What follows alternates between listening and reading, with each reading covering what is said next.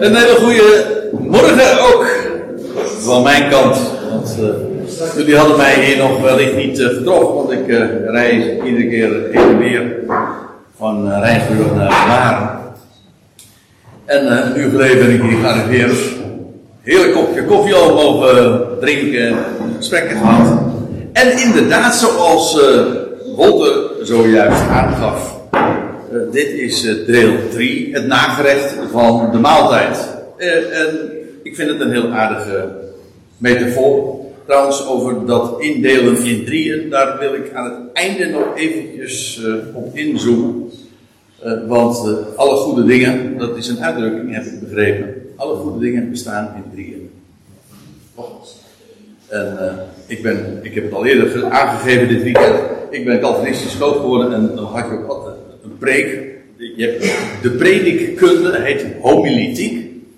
Um, een goede preek, zegt men, en dat geldt trouwens voor een toespraak in het algemeen, dus, dus ook gewoon retorica, uh, bestaat uit drie delen. Uh, een catechismus bestaat ook uit drie delen, ellende, verlossing en dankbaarheid. Nou ja, et cetera. Uh, het principe zie je dus. En het, het, komt zo uit dat we dit weekend een drietal bijeenkomsten hebben, drie studies. En dat kwam in dit geval ook met dit thema geweldig uit. Gods wil, Gods raad en nu dan de raad van Gods wil. En het is echt waar, deze uitdrukking is rechtstreeks ontleend aan de Bijbel, Efeze 1, en daar gaan we straks ook naartoe. Nou, laat ik eerst nog eventjes uh, even op een rijtje zetten in die volgorde trouwens ook. De, ik heb nog even genoemd de, de, verschillende woorden die daaraan in het Grieks, uh, in het Nieuwe Testament, in de, het onderwijs van de apostel Paulus aan ten grondslag liggen. Aan de ene kant de telema van God en zijn bolema. En ja, wat is het verschil daartussen? Wel, God heeft zijn wil geopenbaard. Dat is wat ik wil. En het voorbeeld vorige, de vorige keer, gisteren dus, toen kwam van Farao, uh, hebben we bezien. Farao wist wat God wilde. Namelijk, laat mijn volk gaan. Zeer simpel. Maar Gods bedoeling, of Gods raad, Gods intentie, dat is verborgen. Tenzij hij die raad uh, aan iemand al tevoren bekend maakt. Zoals Mozes in dit geval wist al wat God uh, aan opzet had, de verborgen agenda. Ja, maar dat is dus een heel duidelijk verschil. Gods wil is openbaar, Gods raad is verborgen en zal pas la later blijken. En er is nog een heel belangrijk verschil tussen beide begrippen, Gods wil en Gods raad. En dat is Gods wil is te weerstaan. Uiteindelijk niet. Gods wil zal geschieden in hemel en op aarde. Dat weet iedereen.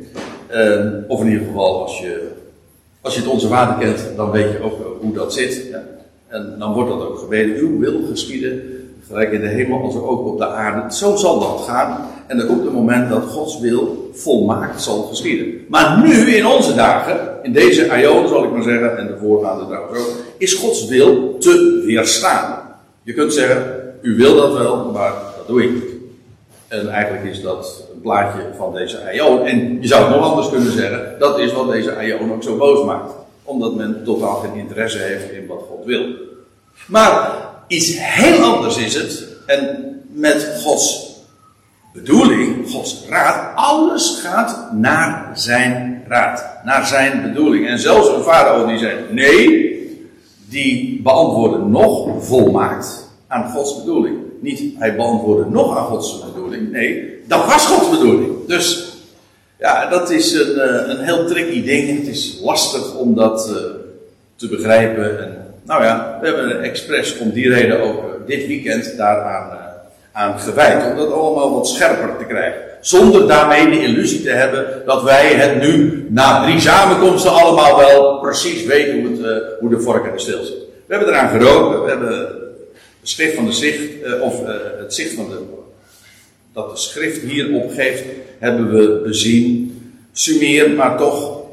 Uh, en voor de rest blijft het zo dat, dat als we het hebben over Gods intenties en zijn plannen, ja, dat, is, dat gaat toch in, Als we het hebben over God en dat wat Hij zich voornemens is, dat is, dat gaat ons begrip. Zijn perceptie, zijn voornemens allemaal in dat, nou ja, ik heb de naam dat ik een groot hoofd heb. Maar als ik dat allemaal in, dat, in dit volume zou kunnen passen, nou dan heeft dat, dan is die, die, dat, dat denken van God wel heel simpel. Dus ja, dat, Gods raad is onweerstaanbaar. Zo staat het ook in Romeinen 9. Uh, wie heeft zijn bedoeling of zijn raad, zijn problemen weerstaan? Het antwoord is niemand.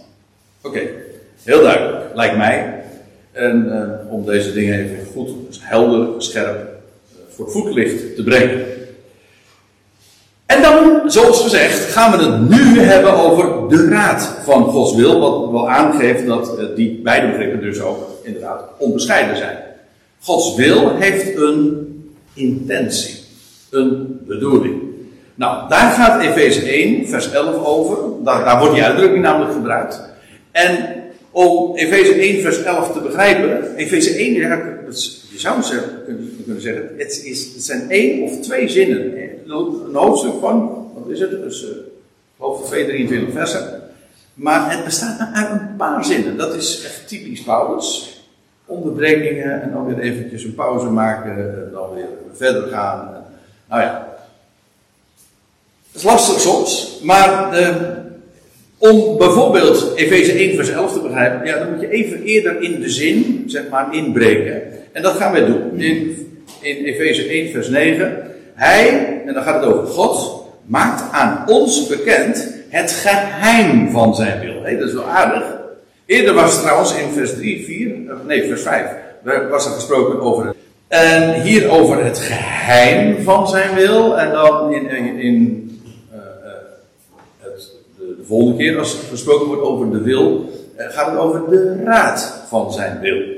Dus Paulus speelt, om zo te zeggen, met dit begrip, met de wil van God. Maar hier, hij maakt aan ons, via Paulus, en daarmee aan overgaan, de Ecclesia, bekend. Wat? Nou, het geheim van zijn wil. En dat is allemaal naar zijn welbehagen. God wil dat graag zo. Dat is, daar heeft hij ja, plezier in. Ik weet eigenlijk niet wat het woord welbehagen gebruiken we niet zo. Eh, in het eh, gewone Nederlands. Wij hebben het dan over. Nou, ik heb daar wel een welbehagen. Ik heb daar wel. Eh, het is naar zijn welbehagen dat hij zich voornam in hem. En dan gaat het dus over Christus. En God, dat betekent dus, God heeft zijn wil bekendgemaakt. En, en wat is dat? Wel, hij heeft een voornemen, een plan, want dat is wat een voornemen is. Iets wat je je voorneemt. En hoe gaat hij dat uitvoeren? Wel, dat doet hij in hem. En dat wil zeggen in Christus. Hij die stierf, maar wat meer is, die opgewekt is, die nu aan Gods rechterhand is, Via hem, die mens die daar nu boven is, die verborgen is, maar via hem gaat God zijn plan, zijn voornemen uh, realiseren. En dat gaat heel ver. Uh, kijk, wij, als wij het hebben over Gods wil, dat was trouwens Romeinen 12, en, en, afgelopen zaterdag hebben we dat ook gezien, dan hebben we het vooral over wat God uh, wil in verband met mijn leven. Nou, in het algemeen kun je daarover dit zeggen. Wat wil God wel? Dat je je lichaam bestelt, uh, beschikbaar stelt. That's it. En hij vult het dan vervolgens met zijn woord. En met wie hij bekend maken wie hij is. Hij kan. Ja, maar uh, Gods wil is niet alleen maar particulier zo met mijn leven. Nee, Gods wil heeft te maken met dat wat hij voornemens is met de hele schepping, met al zijn creaties.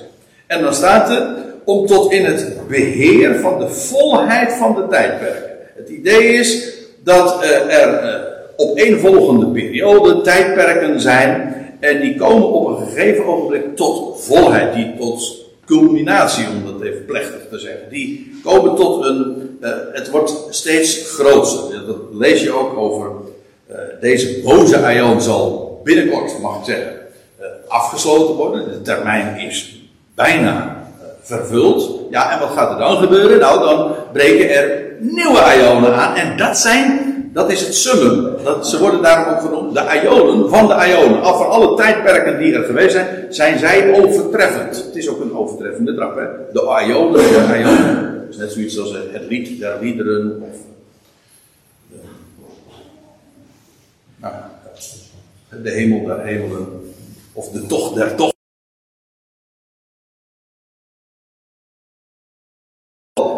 Uh, deze, uh, en, en dan zal Christus in die tijdperken die nog gaan komen, hij gaat erin heersen. Je krijgt straks eerst het millennium. Dat is de eerste, die eerste aion, de komende aion.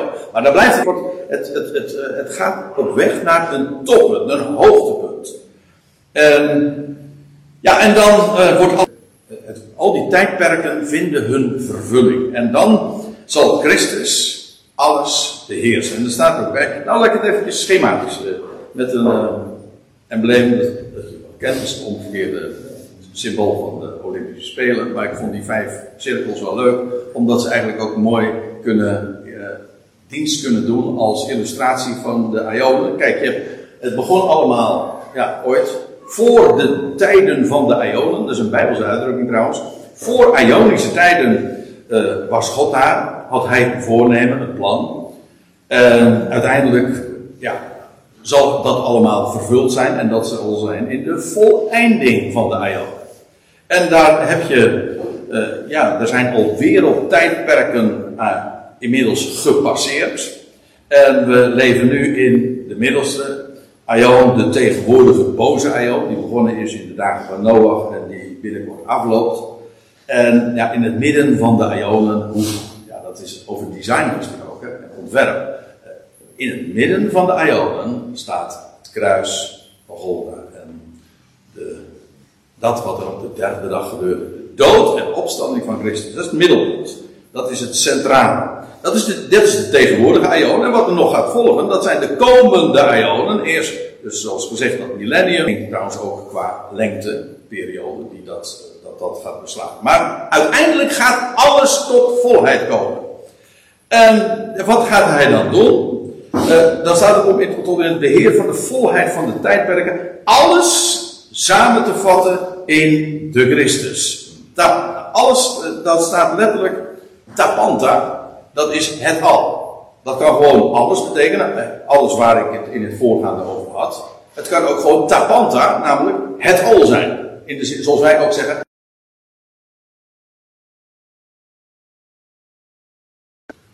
zinnige verklaring is, omdat er gesproken wordt om alles samen te vatten in de hemel, eh, pardon, om alles samen te vatten in de Christus, namelijk wat in de hemelen, boven, en op de aarde is. Kortom, dat is gewoon de Bijbelse omschrijving van het heelal. Uh, de heel onheilde schepping, kijk, God denkt groots. En ik vind het uh, al, het is, is God, we hebben daar dit seizoen, of dit weekend, sorry, al veel over gehad. Uh, ja, maar God heeft een geweldig plan. Een heel de schepping uh, op zijn tijd, alles getimed. Uh, gaat samenvatten in de Christus. Alles. Heel de schepping. Dat, zodat er een moment komt dat alles in de hemel en op de aarde en wat zelfs wat onder de aarde is, alle creaties, voor hem neer gaan buigen en hem zullen erkennen. En dan, ja, dat doet hij via de Christus. En ja, wij hebben natuurlijk de neiging om veel smaller te zien. Trouwens, dat is ook de christelijke theologie natuurlijk, uh, die dat dramatisch gedaan heeft. Die denkt van, ja, God heeft een plan met sommige schepselen die uitverkoren zijn, of die kiezen. En hij realiseert dat, en er is niets wat hem daarin uh, in de weg staat. Hij neemt alleen de tijd. Hij heeft ook de tijd. Hij is de creator van de tijd. En hij gaat heel de schepping samenvatten. Uh, het zij wat in de hemelen en wat op de aarde. Niets zal daarin ontbreken. De Christus en nou komt het. Uh, in hem, namelijk Christus, in wie ook ons lot viel. Dat is, uh, de MBV-vertaling zegt geloof ik in, in, dat de doorloting ook wij zijn aangewezen.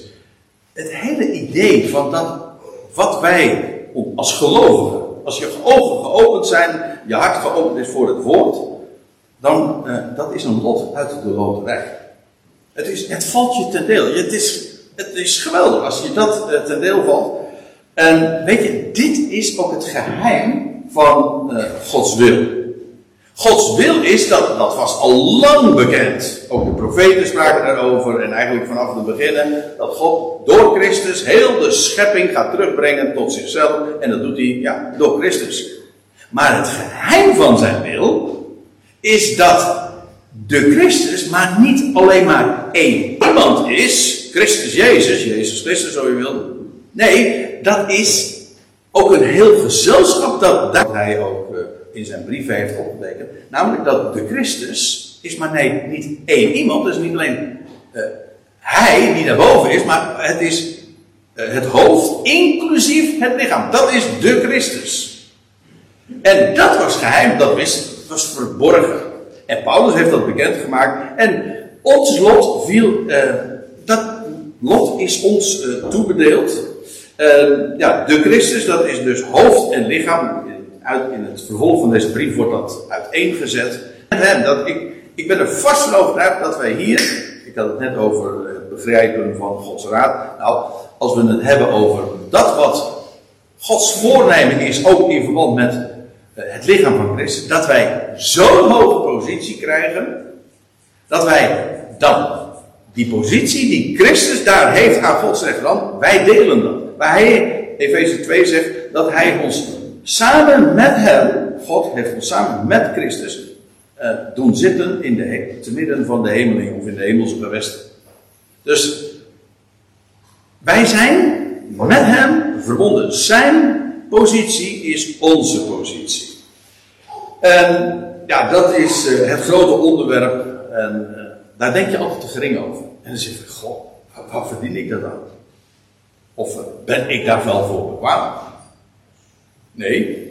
Maar er is er één die bekwaam maakt. En dit is het loutere feit dat, dat God zich vandaag een, een gezelschap uitverzamelt, uitroept. Een ecclesia, een uitroepsel. Hij roept uit. En die krijgt een geweldige bestemming. Dat ze niet hebben verdiend of zo. Ze krijgen het. Ze zijn eigenlijk, uh, Christus is de eersteling en wij zijn degene die daarin volgen. En we krijgen, dit lot viel ons ten deel. Ja, er staat ook bij, wij die tevoren bestemd werden naar zijn voornemen. En waarmee dus maar weer onderstreept is, het is niet onze keuze, stemming horen. Nou refereer ik opnieuw, het wordt een beetje vervelend, aan, uh, aan, het Calvinisme. Hebben ze het over predestinatie. Uh, predestinatie betekent eigenlijk En wij, God heeft ons uitgekozen, uitverkoren in hem. En we zijn tevoren bestemd. En dat lees je in Romeinen 8. En die hij tevoren gekend heeft, die heeft hij tevoren bestemd. En die hij tevoren bestemd heeft, die, heeft hij ook, die roept hij ook en die hij roept. Wel, die rechtvaardigt hij ook en die hij rechtvaardigt, die verheerlijkt hij ook. Kortom, dat is allemaal van begin tot het eind. Dus die gouden keten, al die, als je, als je, als je daar oog voor krijgt, als je dat gaat beseffen. Wij die tevoren bestemd werden naar zijn voornemen. En nou, kan ik me voorstellen dat je denkt van, ja, maar je zou het ook hebben over God, de raad van Gods wil. Ja, nou oké, nou, nou komen we. Uh, en hier weer dat woord wat we in vers 9 ook al zagen, namelijk tapanta. Weer uh, alles, het al. Die in alles werkt. En dat is inderdaad hemel en aarde. God denkt groots en universeel. Nooit is er iets in zijn schepping dat uh, uh, aan zijn aandacht ontsnapt. God en geen atoom te klein. Hij is de creator. En dat besef, ja, hoe groot is dat? En hij omvat het en hij houdt van zijn schepping. God heeft de wereld, de kosmos, die elk in op een onvoorstelbare en ook uh, een wijze die uh, volstrekt boven ons begrip gaat. Maar hij werkt in alles naar, nou we, naar raad van zijn wil. Oftewel, ik, heb het eventjes uh, ook laten zien. als je een klein beetje die Griekse letters kunt ontcijferen. Nou, of in ieder geval de, de, basiswoorden. We houden, het een beetje simpel. Uh, zijn, hier, zijn wil. Wat is Gods wil? Die hebben we al gezien. Of zojuist we dat. Hij heeft ons bekendgemaakt. Met het geheim van zijn wil. Namelijk dat God een voornemen heeft. Dat hij in Christus uitvoert. Om hemel en aarde. In de volheid van de tijdperken. Samen te vatten. Dat is Gods wil. En het geheim van zijn wil is dat wij als Ecclesia daarin direct betrokken zijn, omdat wij met hem hoofd en lichaam vormen. Een eenheid. En, oftewel, de bedoeling of de intentie van zijn wil. Ja, wat is dat? Het is niet hetzelfde. Wat is het dan wel? De aardigheid is, het staat er pal naast, achter. Want er staat op dat we zouden zijn tot lof van zijn heerlijkheid. En ja, dat is wat de bedoeling is van zijn wil. Uh, tot lof van zijn heerlijkheid. En dat betekent dat alles wat er is, alles wat er ja, in hemel en op aarde, in ruimte, maar ook in tijd. Dat wil zeggen, alles wat er gedurende vanaf den beginnen tot nu toe en wat er volgt. Er is er één die een plan, een voornemen uitwerkt. Door alles heen, ruimtelijk, hemel en aarde, alles, elke creatie, maar ook door de tijdperk heen. En in alles, en alles wat er plaatsvindt, wat een prachtig woord is, plaatsvindt, want het vindt plaats. Hoe komt dat? Nou, omdat de plaatser, God, het een plek geeft. En hij geeft het een plek. En alles geeft hij een plek. Onbegrijpelijk, ja. Maar het is al. En ook een hele. Dus waar we het al over hadden.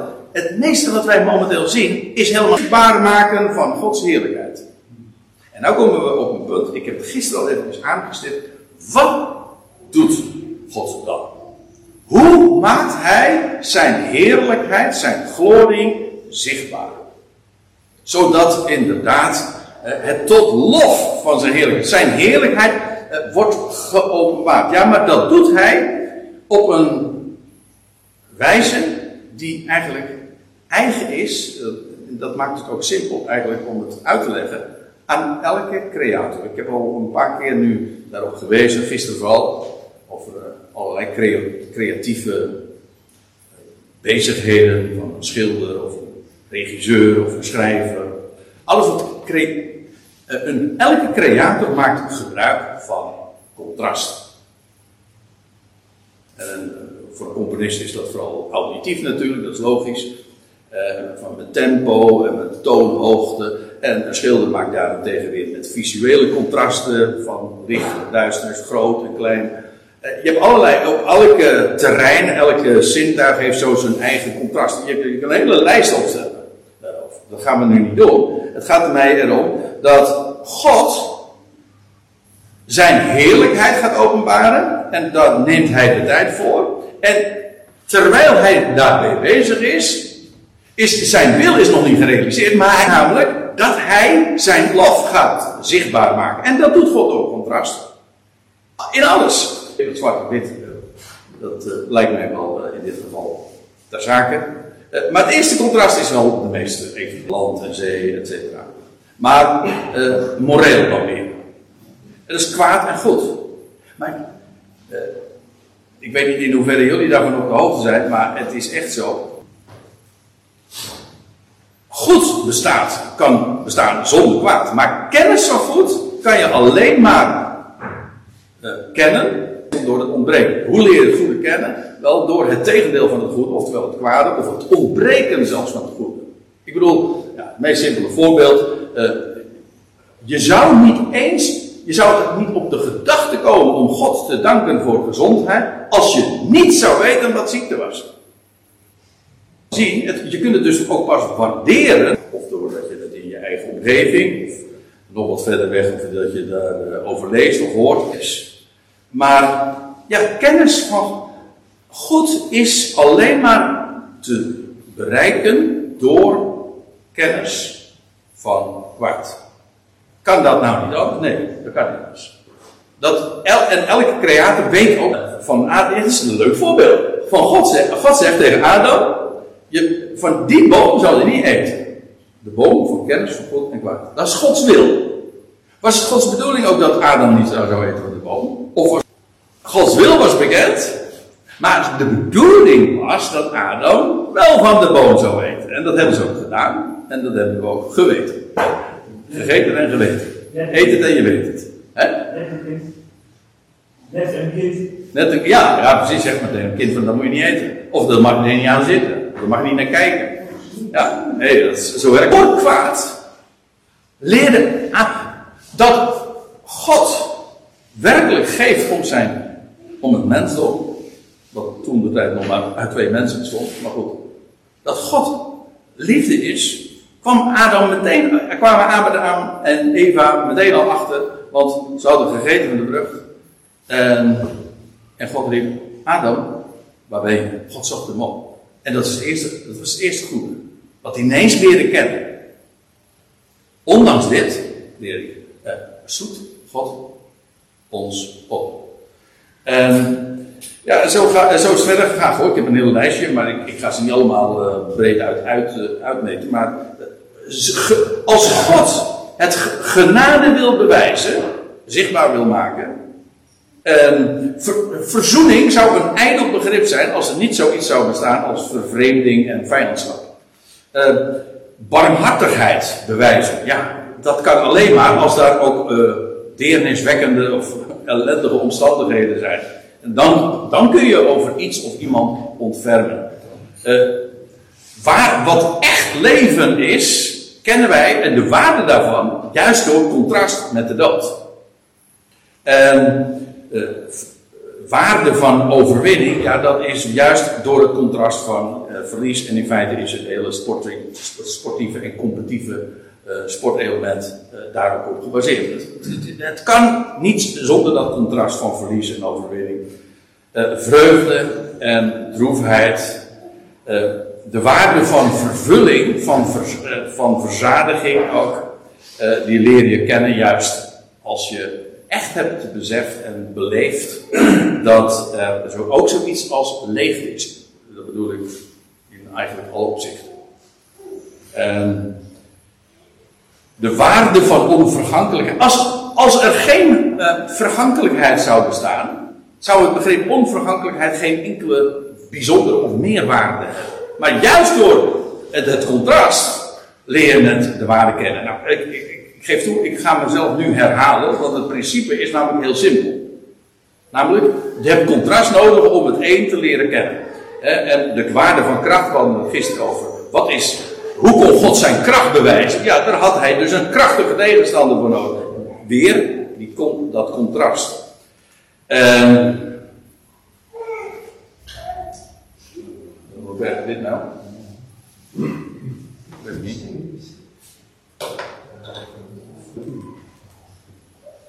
Uh, de waarde van vrijspraak, want ik, uh, laten we het een beetje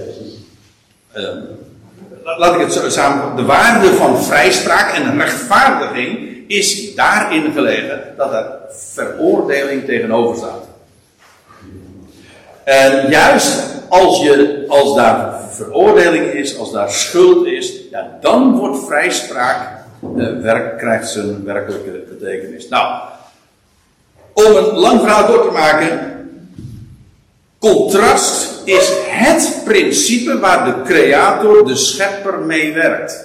Namelijk om zijn heerlijkheid te openbaren. Die heerlijkheid is alleen maar zichtbaar juist door het contrast. Die, dat contrast is niet, uh, staat niet in, uh, is niet in strijd met uh, zijn, met, met, met Gods wil. Integendeel, als hij zijn wil en zijn voornemen en zijn doel wil openbaren, dan heeft hij dat contrast nodig. En ik vind dat geweldig, want daarom lees je in Jezaja 45 ook dat, dat God zegt, eh, bij monden van Jezaja, ik ben het die, ik ben het die vrede creëert, ik ben het die het goede schept, maar ook het kwade. En dat wordt God hoogst kwalijk genomen. En de aardigheid is, vind ik, ik vind het apart, aardigheid weet ik niet of het het juiste woord is, maar ik vind het wel apart dat uh, wij weten uh, dat geen enkele schrijver of geen enkele niemand die een verhaal vertelt of iemand als jij een roman schrijft ongeacht of dat nou een, of een detective of whatever je, of je schrijft, je schrijft een film een scenario ja wat heb je dan nodig dan heb je ook contrast nodig. Als, als alleen maar als er niets kwalijks gebeurt, dan is er geen barst aan het hele verhaal. Dat stelt niks voor. Dan heb je niks. Je krijgt wat pas door contrast. Oké, nou, lijkt me toch duidelijk.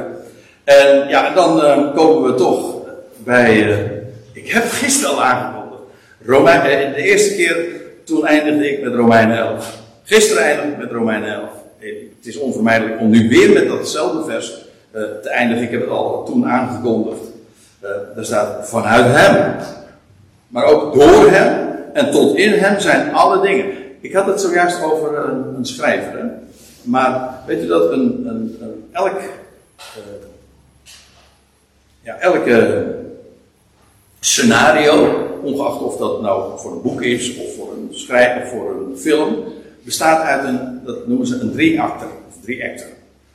Uh, die heeft zo'n structuur Namelijk, uh, ze spreekt mensen. Ik heb juist uh, van de week nog eens een keertje nagekeken. Ik was al bekend met het idee. Maar dan krijg je dus. Eerst heb je in een boek, film, krijg je de setup. Dan wordt, dan wordt de situatie geschilderd. Hier speelt het zich af. Dat zijn de personages. dat is eigenlijk nou, het begin. Oké, okay, is de setup. En dan krijg je vervolgens. dat is niet genoeg. Dan krijg je vervolgens het, de confrontatie, het contrast. En dat is het eigenlijke drama, dat is ook het, het, het, hoofdbestanddeel. Dan gebeurt er iets. Eh, zonder dat, of, het nou, of je het nou hebt over de, de Titanic, of uh, ik noem maar veel, of je praat over de, nou, noem, noem maar elk verhaal heeft, bestaat uit deze ingrediënten. Een goed verhaal kan niet zonder die structuur. Altijd die confrontatie. En uiteindelijk ja, heeft het een uitkomst. En als u het mij vraagt, dat is mijn criterium voor een goed verhaal. Schijnt, uh, er zijn ook andere inzichten bij over. Maar het moet het een happy end zijn. Het, het moet wel goed af. Anders begin ik het niet. En uh, dat is in ieder geval de structuur van de, het verhaal van, de, van his story. Van Gods verhaal, ja, hij, hij heeft het script. Hij, heeft, hij schrijft een verhaal en hij heeft alles als regisseur perfect in hand. En hij eh, bestuurt, hij leidt de dingen. En ja, wat, uh, hoe is de uiteindelijke afloop van alles? Nou, het begon bij hem. Hij leidt alles, hij beschikt alles, hij plaatst alles, gaat naar zijn voornemen. Het, het, de bedoeling is dat we zijn heerlijkheid gaan zien. En om zijn heerlijkheid te zien, dat is de bedoeling van zijn wil. Dat is uh, dat wij, dat dat zichtbaar wordt. En dat wordt zichtbaar door dat contrast. En dan zegt uh, Paulus van aan hem. Met, met die vast. Aan hem. De heerlijkheid tot in de Ionen, tot in de tijdperken die nog gaan komen, totdat het allemaal culmineert en dat dan is Gods plan volledig vervuld en dan wordt hij alles in al zijn schepsel. Dan ontbreekt er niemand meer en dan is alles perfect, volmaakt tot een einde gekomen. Aan hem de heerlijkheid tot in de Ionen en ja, wat, wat gebeurt er dan? Dan zal iedereen, heel de schepping, elke creatie, ja, hier zie ik, ik heb zo'n plaatje, ik doe de nieuwsbijbel, uh, dan zal iedereen het uitroepen. En alles wat adem heeft, dan gaan alle registers open, dan gaan alle muziekinstrumenten zeg maar, komen van de plank. En één groot halleluja zal dan uh, gaan klinken. Dat is de uiteindelijke uitwerking. En de afloop van, van zijn plan. En dan zal er ook een, ja, ik gaf net dat plaatje van die, uh, van dat applaus, dat is, dat is het laatste wat ik erover dan wil zeggen. Maar uh, dat vind ik zo mooi. Tot hoog van zijn heerlijkheid. Als je in Engelse concordant versions dat ziet, eh, dan wordt er gesproken over de applaus. Dus, eh, er wordt er tot lof van zijn heerlijkheid het, het woord van dit. Eh, eigenlijk, de hele schepping, alles, eh, hij werkt alles naar de bedoeling van zijn wil. En het uiteindelijke eind, uitkomst is dat alles tot zijn glorie is. En dat iedereen zal klappen en vol bewondering en aanbidding zal neerbuigen en God de, de eer zal geven. Dat is waar hij eh, naartoe werkt. En eh, ja, dat is de intentie, oftewel de van zijn wil.